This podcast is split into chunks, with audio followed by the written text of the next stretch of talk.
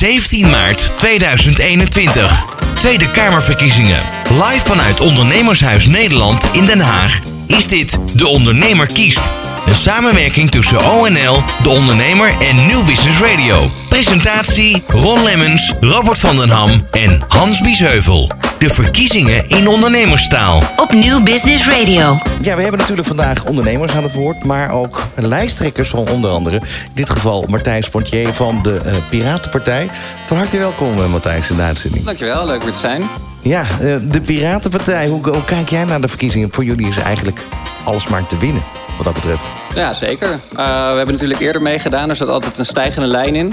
En uh, je had uh, scholierenverkiezingen in 2014. Toen stemde 17% op de Piratenpartij. Nou, dat zijn nu allemaal mensen die zijn net volwassen en mogen voor het eerst stemmen. Dus als die weer op ons gaan stemmen, dan halen we het echt makkelijk een paar zetels. En uh, we krijgen ook heel veel berichtjes van jonge mensen. Uh, ook veel via Insta en TikTok bijvoorbeeld. En uh, we, we, hebben er veel vertrouwen in, ja. Hoe, hoe is tot nu toe je campagne verlopen?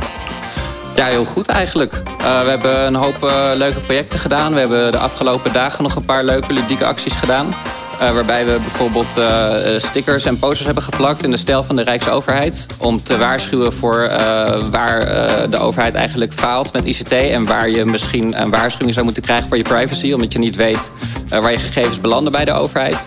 Dus, uh, en daar, daar komt ook wel veel uh, reacties op. Veel positieve reacties, dus dat is heel leuk. Precies, we gaan het zo meteen natuurlijk hebben over corona. De situatie uh, waarop jij, als je het land zou besturen, zou, zou ageren met de partij. maar toch eventjes over een, een, aantal maanden geleden. Jouw Twitter-account is geblokkeerd als het gaat over privacy. Ja, klopt. Dat is een paar dagen geleden gebeurd. En dat is eigenlijk precies waar we dus tegen strijden. Want nu is er een algoritme dat heeft gezegd... er is verdachte activiteit op deze account... Uh, het legt zichzelf helemaal niet uit. Ik heb uh, gevraagd aan Twitter van uh, waarom is dit gebeurd. Ik ben nog langs gegaan bij het kantoor. Maar ja, dat was alleen een brievenbus natuurlijk. Dus ik heb een briefje door de bus gedaan. Ja. ja. ja. Hoe digitaal wil je het hebben? Ja, nou, ja, precies. Maar ik wacht nog steeds op een reactie hoe dit nou had kunnen gebeuren. Uh, maar als Piratenpartij uh, willen we dus uh, wetgeving... daar zetten we ons ook met de Europese Piratenpartij voor in... met ja. onze zetels in het Europees Parlement... dat er een Digital Services Act komt... waarbij content niet zomaar verwijderd wordt... en accounts dus ook niet zomaar worden geblokkeerd. Ja, je zou bijna zeggen, het is een, uh, als je, daar had je een duur bureau voor kunnen inhuren... om deze PR-stunt voor jou te bedenken.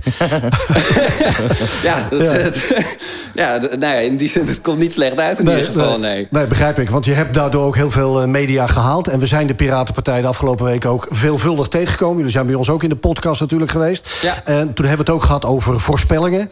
Uh, en dan is die dag zover uh, woensdag de 17e maart.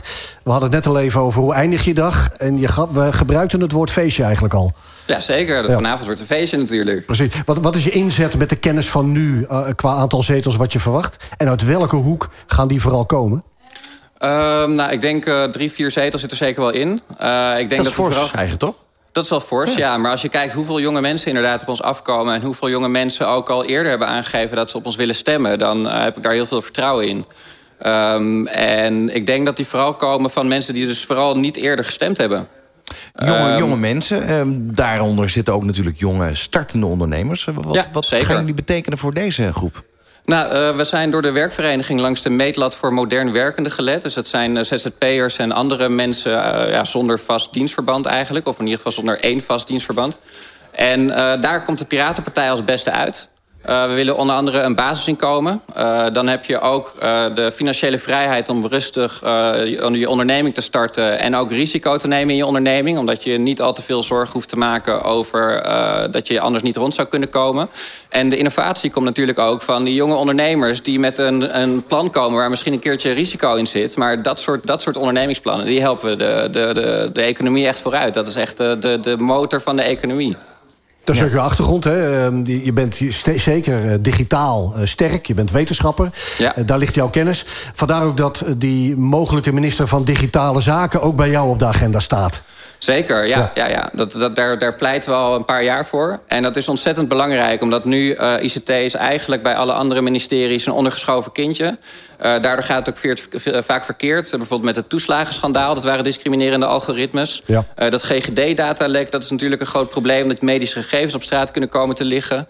Uh, het CBS dat, uh, ging ook weer verkeerd om met telecomdata recent. Dus het is heel belangrijk dat het op een goede manier gebeurt. En dat er een minister van Digitale Zaken is... die regie houdt bij alle ICT van de overheid... zodat dat voortaan goed gaat. En dat er dus ook een veel sterker bureau ICT-toetsing is... wat bindende adviezen kan geven over falende ICT-projecten. die ICT-aanbestedingen die zouden ook wel eens wat meer in de openheid mogen... zoals eigenlijk bij de corona-app het geval was. Die app was niet oké, maar het proces was best prima... want iedereen die kon uh, op die plannen gaan inhakken. Waardoor uiteindelijk uh, de, de kennis uit de samenleving wordt ingezet... om tot betere plannen te komen. En dus ook tot goede ICT-projecten te komen. Nou, de autoriteit persoonsgegevens moet natuurlijk veel sterker... want nu komen ze aan al die klachten niet toe. Uh, die moeten echt veel meer capaciteit hebben om alle klachten te kunnen behandelen... maar ook veel beter toezicht te houden op privacy schendingen... en op discriminerende algoritmes, onder andere. Hans, uh, jij wilt een, uh, een, eigen minister van, uh, van Handel, met name voor het MKB. dan hoorden we gisteren de kleinere reisorganisaties roepen... wij willen een minister van Toerisme. we hebben hier Matthijs, die, dat wordt een compleet nieuwe organisatie straks hier... verderop op het Binnenhof. Het wordt een beetje druk. Het nou wordt ja, volle bak, ja. Nou ja, daarom is mijn voorstel ook een minister van Ondernemerschap en Handel... Hè, ja. die een hoop van die onderwerpen kan meenemen. Ook inderdaad die digitalisering, want dat vind ik wel een heel belangrijk punt, eerlijk gezegd. Ja. Ook voor heel veel ondernemers. Hè? Want kijk, het is niet alleen de overheid die uh, slimmer moet digitaliseren en automatiseren. Maar het is voor heel veel ondernemers ook een kans om je businessmodel toekomstbestendig te maken. Hè? Uh, mijn generatie ondernemers heeft het probleem... Ja, ik ben niet opgegroeid met die computer en met internet. Hè? Dus je, daar schort het vaak aan de vaardigheden. Dus je ziet wel, hey, artificial intelligence is wel, is wel interessant... maar hoe pas ik het naartoe in mijn eigen businessmodel? Ja. Dat is voor heel veel ondernemers lastig. Nou, daar kunnen start-ups en jonge ondernemers denk ik goed bij gaan helpen. Dus dat, zeg maar, die, weet je, die oude bokken zoals ik en het MKB... die al 30 jaar bezig zijn... ben die nog 15 jaar succesvol willen doorondernemen... die zouden heel goed die hulp kunnen gebruiken. Zeker als het gaat om die digitalisering van de start-ups en van de jonge mensen. Dus ik zou zeggen, als we die combinatie kunnen maken...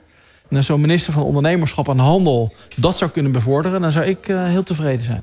We hebben het over start-ups, over jonge ondernemers. We hebben het ook over een hele vreemde campagneperiode. Een understatement natuurlijk ook. Hoe heb jij, Matthijs, die afgelopen weken kunnen inzetten... om jouw stemmers te bereiken? En laten we even focussen op die start-ups, die jonge, jonge ondernemers. Hoe, hoe makkelijk of moeilijk ging dat? Uh, nou, dat ging volgens mij wel aardig. We, we waren natuurlijk sowieso altijd veel bezig met uh, digitaal mensen bereiken. Dus daar, daar zijn we al sterk in. Dus dat hebben we nu ook weer gedaan. Precies. Uh, nou, er was onder andere ook een uh, debat van de werkvereniging... waar we aan mee hebben gedaan. Nou, dat vonden we natuurlijk ook heel leuk om te doen. Ook omdat zij onze standpunten als, als beste beoordelen. Dus ja, op die manier hebben we dat denk ik goed kunnen doen. De dag van vandaag, um, het einde weten we, maar het is een volle bak voor je vandaag. Gaan we naar morgenochtend, first thing in the morning, uh, uitkijken over die hofvijven? Ja, ik denk eigenlijk dat ik de hele dag aan de telefoon zit... omdat ik word platgebeld over het uh, grote en enigszins onverwacht succes. En want die vier zetels, dat is uh, je target van vandaag. En dat, ja, dat... ja, zeker. Oké, okay. we blijven jullie volgen als vanzelfsprekend. Dank voor je komst ook naar het Ondernemershuis in Den Haag.